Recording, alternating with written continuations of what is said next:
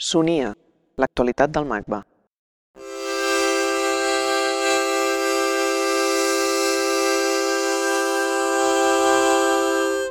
Enric Ferrés, artista, editor i agitador cultural, va començar la seva llicenciatura en filosofía. Bueno, aquí empieza esto de la filosofia charla. Y bueno, lo primero que quiero decir es que a todo el mundo le han puesto la como músicas que están muy bien. Y a mí me han puesto unas, unas grallas así histéricas y, y no, la verdad es que no sé por qué mucho. Em, ahora aquí me presentan y explican un poco de que cuál es el- mi trabajo. Les gusta mucho esto de que estudié filosofía porque me venía de paso para ir a la escuela seus mecanismes. Y aquí hablan un poco de mi trabajo, de la investigación, de cómo formalizo con publicaciones, la importancia de la colección y las conferencias, las charlas, todo esto. Sonia parla amb l'Enric sobre col·leccionar obsessivament. Aquí la verdad es que este resumen que hacen está muy, muy bien hecho porque lo que explica todo bastante completo.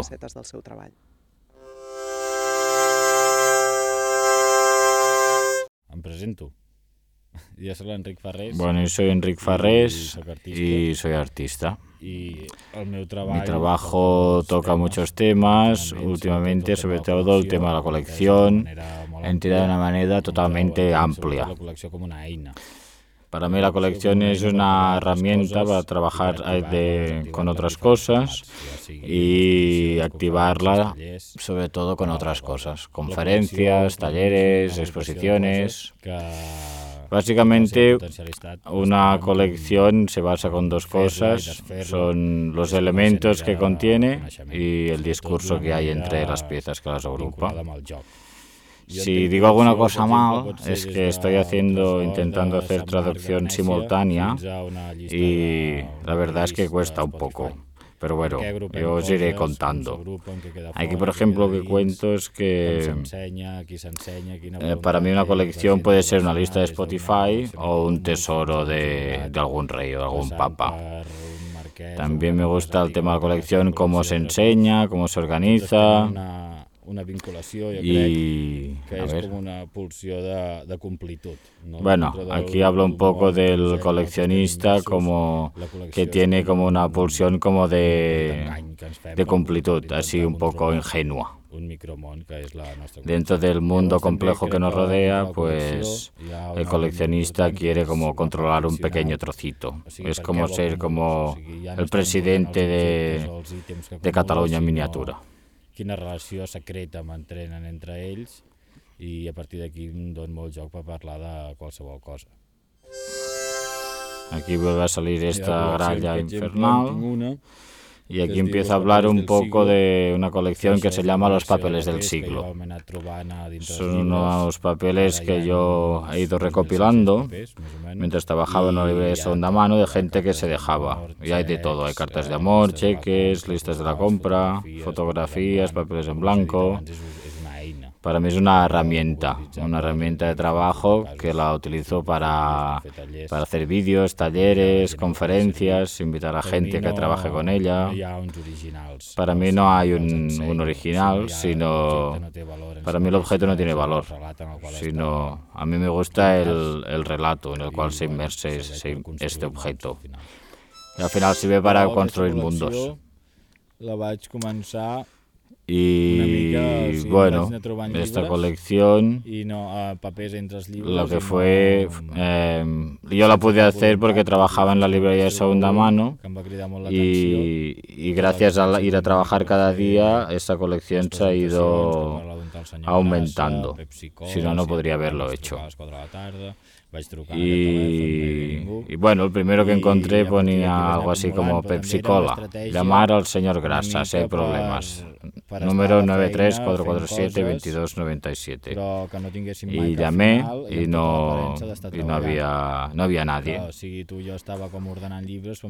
Luego lo que me interesaba de esta colección al principio era un poco poder estar. Bueno, aquí de hecho lo que hablo es que en la librería no trabajaba, sino que buscaba papeles y esto prefiero que, que no salga, porque si, me, si lo escucha el jefe, o sea, yo creo que no le hará mucha gracia. Bueno, aquesta col·lecció s'ha acabat y, y de hecho he dejado la faena, o sea que este, esta colección ya se ha acabado.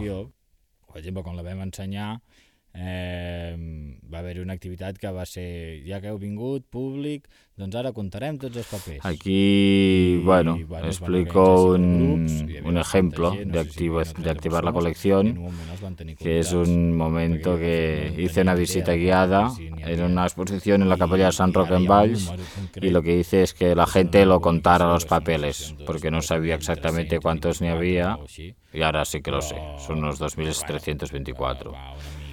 Y bueno, de hecho ahora estoy ya, esto es ya fuera de, la, de lo que decía, porque no cuando grabé en catalán no sabía qué pasaría, pero ahora estoy planeando en destruirla y en, y en crear un objeto a través de una técnica del papel maché. Bueno, aquest projecte establir un principi de procedència... Luego aquí habla de establir un principio de procedencia, que es un proyecto para entender esta acumulación de, de papeles que os he explicado. Para entender un poco lo que son, pues lo que hice fue invitar a la, a la Maite, que era aquí la jefa del archivo de aquí del MACBA, o lo era antes, y la invité a pensar sobre los papeles. Ella que remena tantos papeles, el archivo Brosa, Miserax, no sé qué. Bueno, lo primero que me dijo es que, que era una colección, que no era un archivo, y, y, me dio como unas razones así muy técnicas. Y yo quise, pues vale, pues quiero transformar la colección en un, en un archivo. Luego me fui informando y básicamente lo que necesitaba era un buen principio de procedencia del cual extraer el cuadro de clasificación. Aquí se corta y, y continúa hablando de los papeles y, y, un ejercicio que es pensar en qué buen libro podrían estar cada uno de los papeles. Este un poco era el punto de partida del, de establecer un principio de procedencia, poner las cosas en, en su sitio, en su orden. También me gustaba mucho como contraste de todos los protocolos que envuelven el archivo y, y la parte así como de conservación, la base de datos, todo esto, como contrastaba con lo como lo tenía yo en el estudio, que era en un cajón sin nada. en el document, però sense ser el document separat per un vidre de lo que és... El, También me interesa mucho lo que son las descripciones del documento y la distancia infranqueable que hay con el documento en sí. Que por mucho que lo describes de una manera así eh, total, siempre habrá como la pared de cristal. O pots acostar-te, diguem, en el, en el document. I aquest, aquesta cosa d'anada i tornada de sortir, entrar del, de l'espai de l'arxiu. También el, me interesaba la relación esto entre la base de datos y, y el propio archivo físico y estas idas y vueltas entre un sitio y otro. Ahora aquí hablo de otra cosa, del, de un proyecto que se llama El visitante ideal de una colección sentimental en el Museo Marés de aquí de Barcelona y nos hemos imaginado una serie de personajes y se trata de imaginar qué pasa cuando viene una persona en un sitio que está todo desordenado. Y porque el, el Museo Marés no sigue un criterio así historiográfico ordenado, sino que es un orden totalmente subjetivo. ¿Y qué pasa cuando te enfrentes con, con una cosa totalmente desordenada? La humanidad a través de un, de un sistema. Lo que hemos hecho ha sido dividir la humanidad a través de un sistema de clasificación y hemos construido una serie de arquetipos. Y hay el normal, historiadora del arte, una ciega, un político de estos nuevos, un niño chino, una turista japonesa, un aristócrata francés y qué pasa cuando llegan a este sitio. La formalización han sido unas audioguías y un congreso y en el congreso, por ejemplo, hemos, hemos invitado al, a un profesor de filosofía de la ciencia para que explique exactamente qué importancia tienen las clasificaciones para generar conocimiento. Y un poco también este tema de los axiomas y todo esto. I les taxonomies toca tot. Yo creo que las colecciones y las, taxon y las taxonomías toca todo. Por ejemplo, aquí explico que en las Wunderskammers y, y las primeras todo estaba mezclado, pero yo creo que aquí me equivoqué, porque de hecho sí que estaba separado con las cosas naturales, los que ha hecho el hombre, la historia. O sea, esto es un, un error de la entrevista. Bueno, fent i desfent, Luego, lo que sí que es importante es cómo se hacen y deshacen las, cole las colecciones, es cómo se genera al final pues conocimiento. Ahora aquí hablo de mi trabajo de, de ahora, que es en otro sitio, pero creo que no tampoco es muy interesante. Y un día vaig trobar una caixa Pero bueno, de lo que hablo es de, de cómo encontré la Cup Gallery. Que la Cup Gallery es una caja que contenía un libro, bueno, que el libro no estaba, y cómo esa caja se ha transformado en una pequeña galería. Perquè bueno, és qüestió de pintar-ho blanc i fer exposició. El tema fue pintar la caja de blanco, hacer exposiciones dentro y, y listo. Que fos només una galeria Pero lo que es importante es que la galería sea, pues, sobre todo de, de artistas eh, célebres, o sea, famosos o, o, que sean muy buenos. Porque si la galería es muy cutre y el artista es cutre, pues no tiene ningún sentido. O sea, el tema es que, que la galería pueda ser sencilla y el artista muy bueno. La primera exposición que hicimos fue de Marcel Duchamp, comisariada por Xavier Ballí, y que es un gran duchampiano y él me propuso, o yo le propuse, no me acuerdo, que, que hiciera una exposición de Duchamp allí. Y sí, sí, cogió unas mini piezas de Duchamp, hicimos la exposición y luego hubo una conferencia que se llamaba Las cajas de Marcel Duchamp, que estaba muy bien, porque hablaba primero de una manera muy pedagógica de todas las cajas de Duchamp, de la primera a la última, y luego había un salto a la ficción que hablaba de la última caja que era Ferrero Rocher. Y luego explicaba pues como la vinculación este de la Isabel Presler con la Viuda Alegre, los solteros con el Ambrosio, todo muy súper bien hecho. Y bueno, al final son excusas como para activar ideas, pensamientos y muchas veces tampoco necesitas muchos presupuestos. Bueno, yo de fet vaig fer y... Aquí hablo de mi pasado, de cómo empecé en la escuela de hostelería. Yo creo que esto sí que es relevante porque aprendí, por ejemplo, que la hostelería es un mundo de detalles y he dicho que esto, que esto es extrapolable al, al contexto artístico. Y aquí hablo un poco también de las aventurillas en el bachillerato, pero creo que esto tampoco no es muy, no es muy relevante. Com el, el m'agrada fer fotos i algun, fer grafitis, coses així. Em va rescatar un professor com que es dedica una mica com... Aquí hablo como un profesor que me rescató porque yo estaba a punto ya de fracasar estrepitosamente así en, el, en cualquier ámbito académico, pero bueno. A partir bueno, va ser una meravella. Realmente no sé por qué han puesto esto, esto es de la radio del MACBA, porque es como para... Llavors, Parece un mentre chiste. estudiava a l'Escola Massana, eh, vaig veure que van posar aquí la Facultat de Ah, Filosofia. todo para explicar al final que porque he estudiado filosofía es porque me venía de paso para ir a la, a la escuela Massana. Fer Y bueno, esto sí, yo creo que es cierto. Que si la, no hubiesen puesto la facultad de filosofía en mi camino, no creo que lo hubiese estudiado. Per mig del meu camí físic, Si no hubiese estado en mi camino físico, no hubiese estudiado, porque si hubiese tenido que ir hasta arriba zona universitaria, seguro que me hubiese hecho mucha mandra y no, no coses, hubiese hecho esto. Sí que es verdad que tenía un poco de curiosidad con el tema de la filosofía, había leído alguna cosilla, pero, pero bueno, yo creo que al final lo de la filosofía ha sido como una buena manera para perder el tiempo y ir pasando el aquest tiempo, ir leyendo cosas que que- yo no me hubiese leído nunca. O sea, si no me hubiesen obligado a leer según qué textos, pues no no, lo hubiese leído, la verdad. contacte amb, amb También una cosa muy importante era como el contacto con gente muy implicada con preguntas así muy serias. Y yo creo que esto realmente es lo que estuvo mejor. Bueno, jo no crec amb la idea de públic com un ens així... Bueno, aquí hablo de como de la idea de público, que no, no creo mucho el público como un ente abstracto, sino creo también en la. Ni creo mucho tampoco en la individualidad. Bueno, esto es extra de ahora, pero en la indi- individualidad así extrema, tipo tacherismo, tampoco creo. Pero sí en la subjetividad, por ejemplo.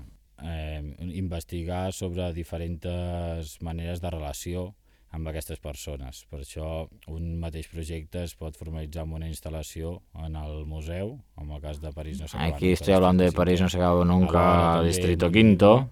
Y algo al que se puede formalizar en, con una instalación, i i que, que la gente puede ir al museo a verle, pero i- normalmente solo va una vez. Luego i también el mismo proyecto se formalizó con un libro. tres mesos i ja està, i que influeix un espai. Y Sempre hi ha una part en viu luego hablo de la parte en vivo, que para mí es muy importante, lo disfruto puc mucho, porque puede estar así controlando este, estas personas y ver si están atentas o no explicar a lo que digo. Y ellos si quieren pueden decir algo, cosa que casi nunca dicen.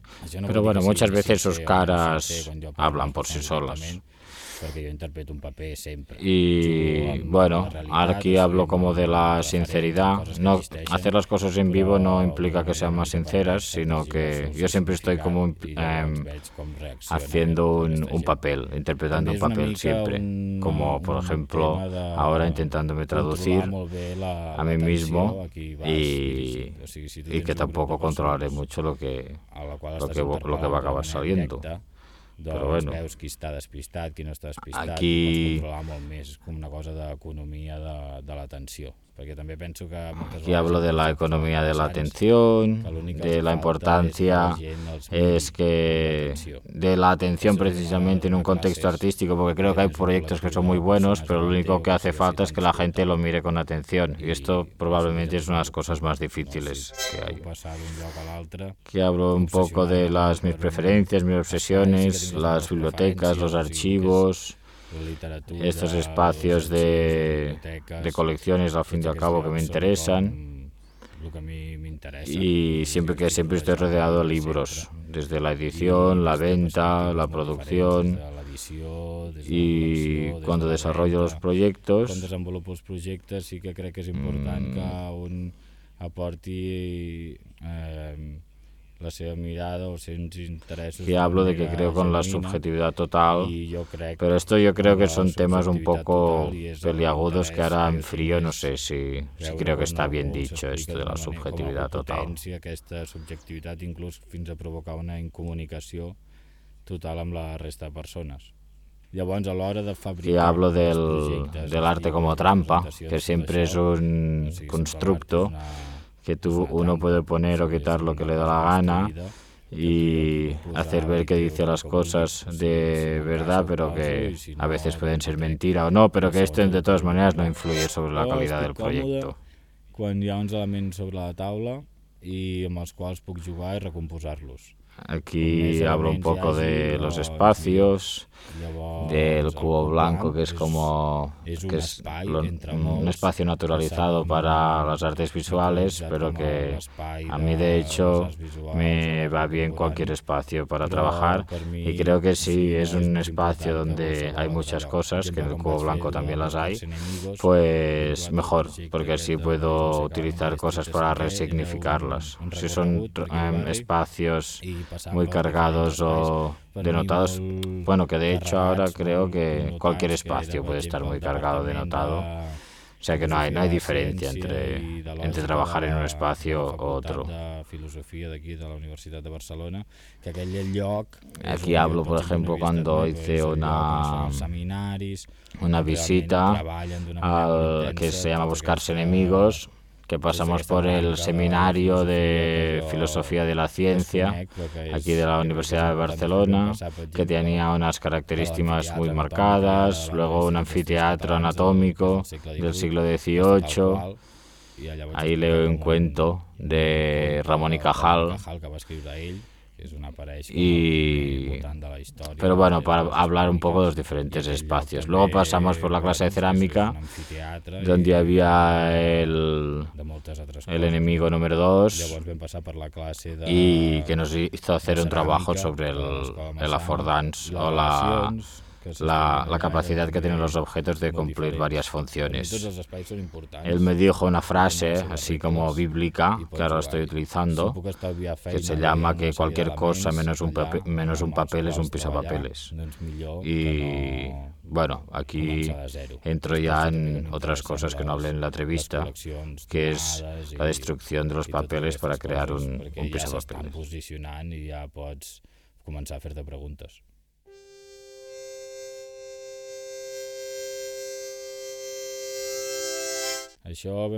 Y hablo del trabajo con mi prima que se llama Joana Llaurador, que hemos hecho muchos trabajos ya. Y este se llamaba Un coleccionismo heterodoxo, el legado TF. Són projectes molt llargs que, Y Son proyectos muy largos, requieren conocer muy bien el espacio, normalmente esos son museos. Y esto fue en el MENAC, en el Museo Nacional de Arte aquí de Cataluña. Fuimos un año y revisimos todos los fondos de del museo. Y un poco con la complicidad, es básico la complicidad de la gente que trabaja allí. Y hicimos una selección de piezas. Lo que estuvo bien es que pudimos enseñar piezas que no se habían visto nunca y esconder otras, inventarnos alguna pieza. Una anécdota chula es que había un cartel de los havia de paredes que ponía recién pintado y que estaba mal escrito que- porque era acabado de pintar. Y está mal escrito pero está muy bien hecho, hay como oficio, con las pautas y tal. Y lo que hicimos fue subirlo en la sala moderna que se acaba de inaugurar. y, y la pusimos como si fuese una pieza ficticia de un artista conceptual ficticio que se llama Ernest Güell, como de los, de los años 70, y era como el representante de los conceptualismos en Cataluña. El pintor de paredes nos dijo que muy bien que nos regala el cartel, pero, pero claro, lo tuvimos que hacer uno a cambio. Y, y lo que es interesante o bonito es que de hecho nuestra pieza está utilizándose para, por el pintor para indicar una cosa que la pintura está fresca y el otro ha pasado al terreno más simbólico dentro del contexto de la historia del arte y esta cartela que pone la autoría de Ernest Güell.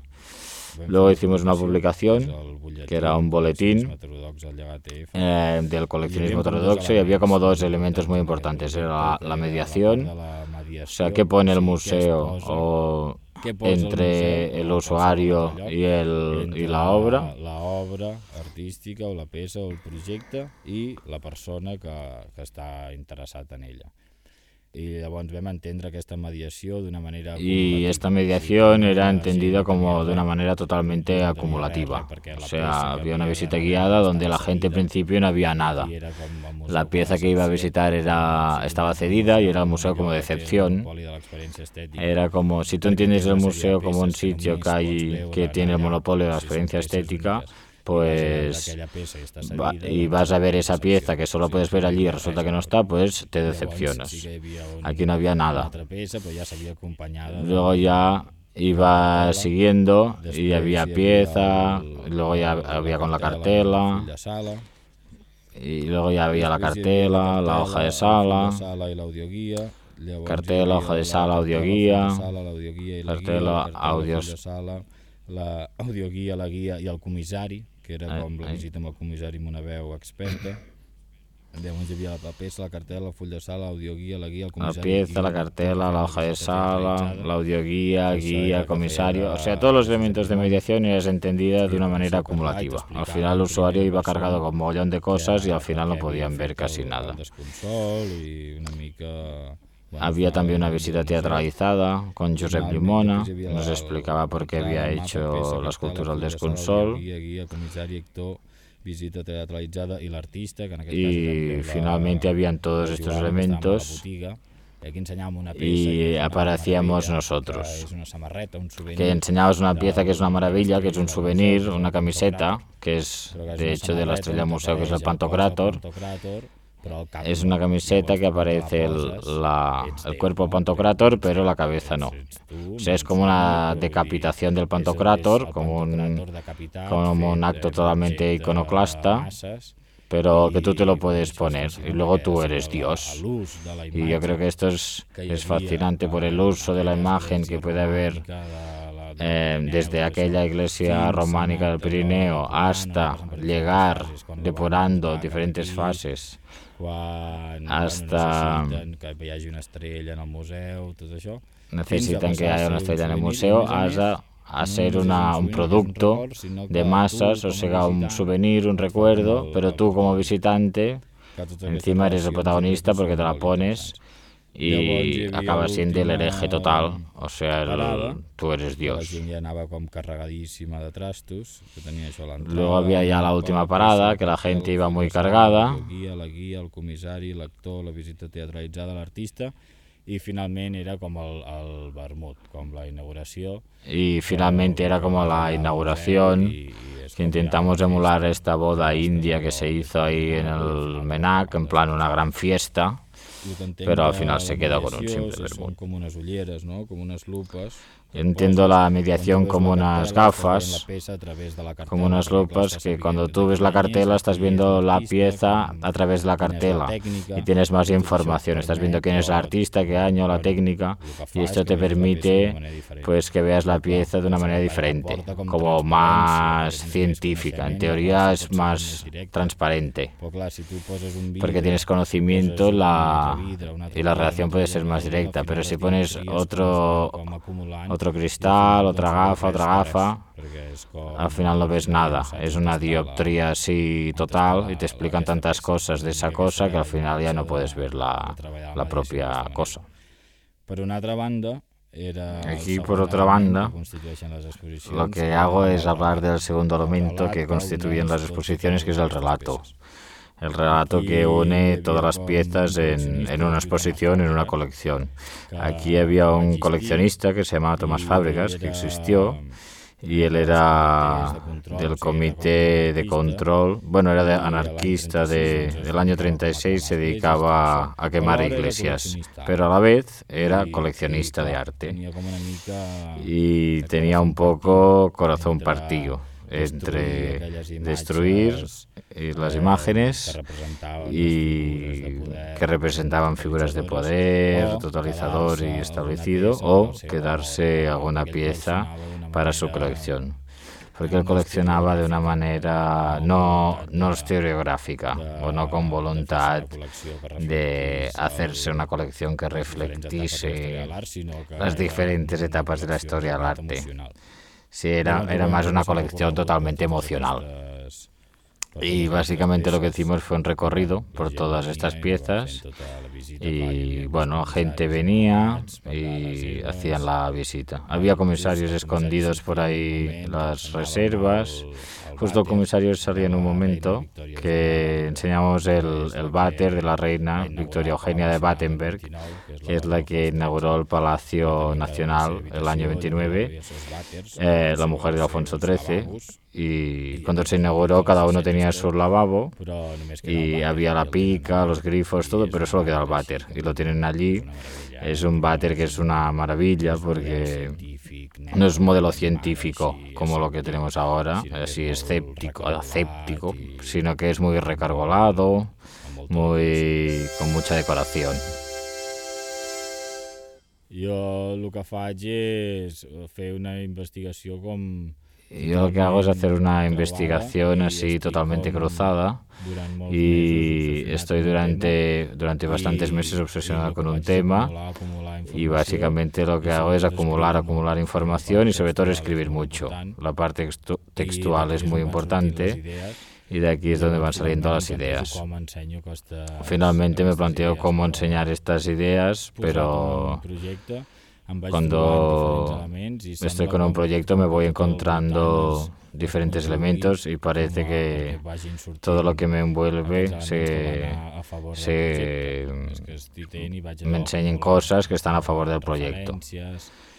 La cuestión es acumular pues, referencias, reflexiones, reuniones con personas que creo que es interesante su punto de vista y al final lo acabo pasando por la trituradora del sentido.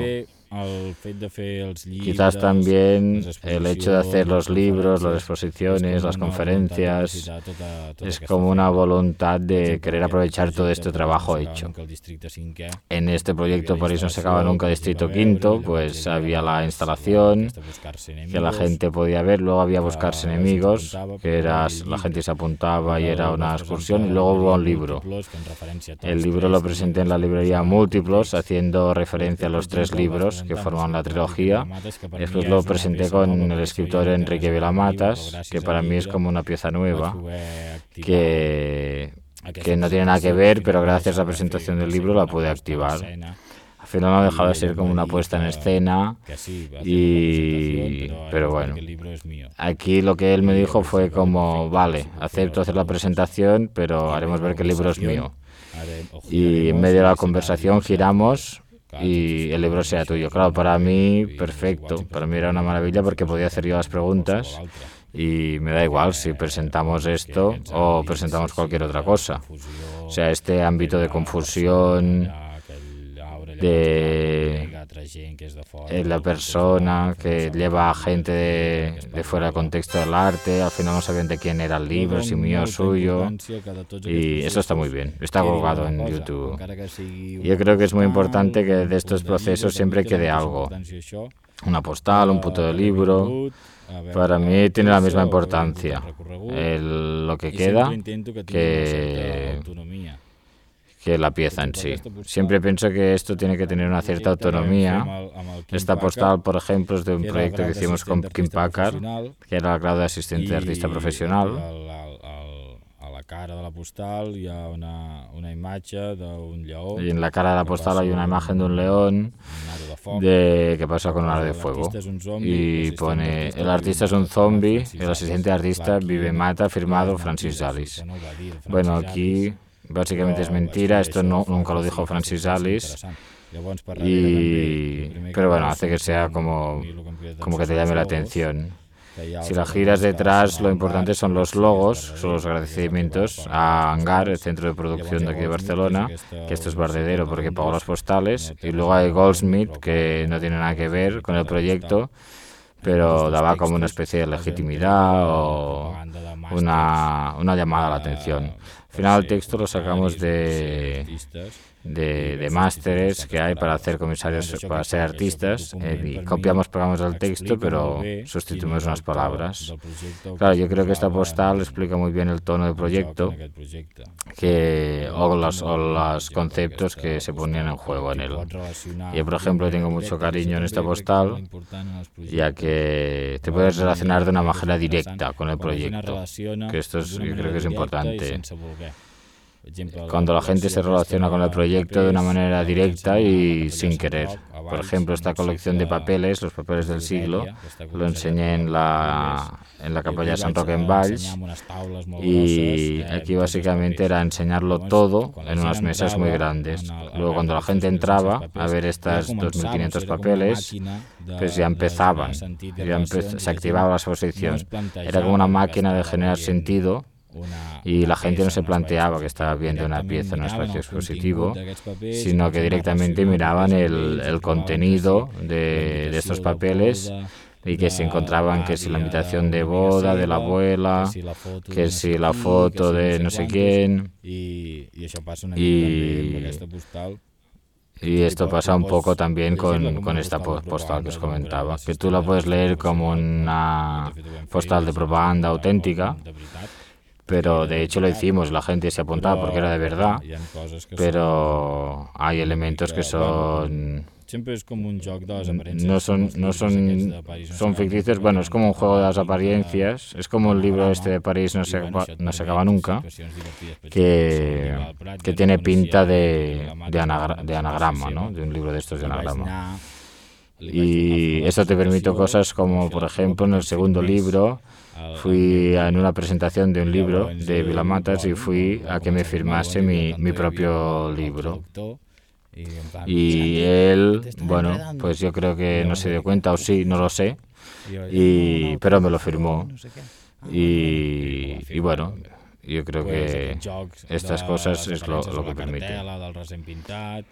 Luego también, el, por ejemplo, este juego de las apariencias, pues la, la falta de ortografía de a veces pienso en Palafrugell con B alta, o la cartela del recién pintado, y son elementos que hacen que no sea extraño lo que ves, pero que haya unos elementos que hagan como sospecha, activar la sospecha. Este nivel de no extrañeza o de este elemento de sospecha muchas veces pasa por conocerme a mí y mi metodología de trabajo. porque la gente que ya viene a ver alguna cosa o a escuchar al, algún audio como este, pues la gente ya empieza a sospechar sobre en qué momento es verdad o no, o es mentira, o, o este proceso de traducción queda puesto en, en duda.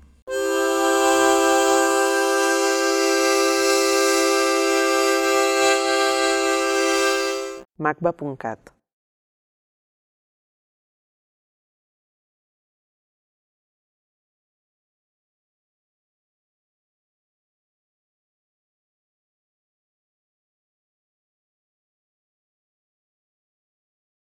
En este libro semibiográfico. Aquí siempre ponen un de esto escondido, una cancioncilla escondida, y yo escogí un texto de Buñuel y como lo leyeron en castellano, pues ahora lo haré en catalán, para que los... los Ai, en este en aquest llibre semibiogràfic, on a vegades m'extravieixo, deixant-me arrastrar per al relat inesperat, potser subsisteix a passar de la meva vigilància algun fals record. Ho repeteixo, això no té ninguna importància, els meus errors i els meus dubtes formen part de mi.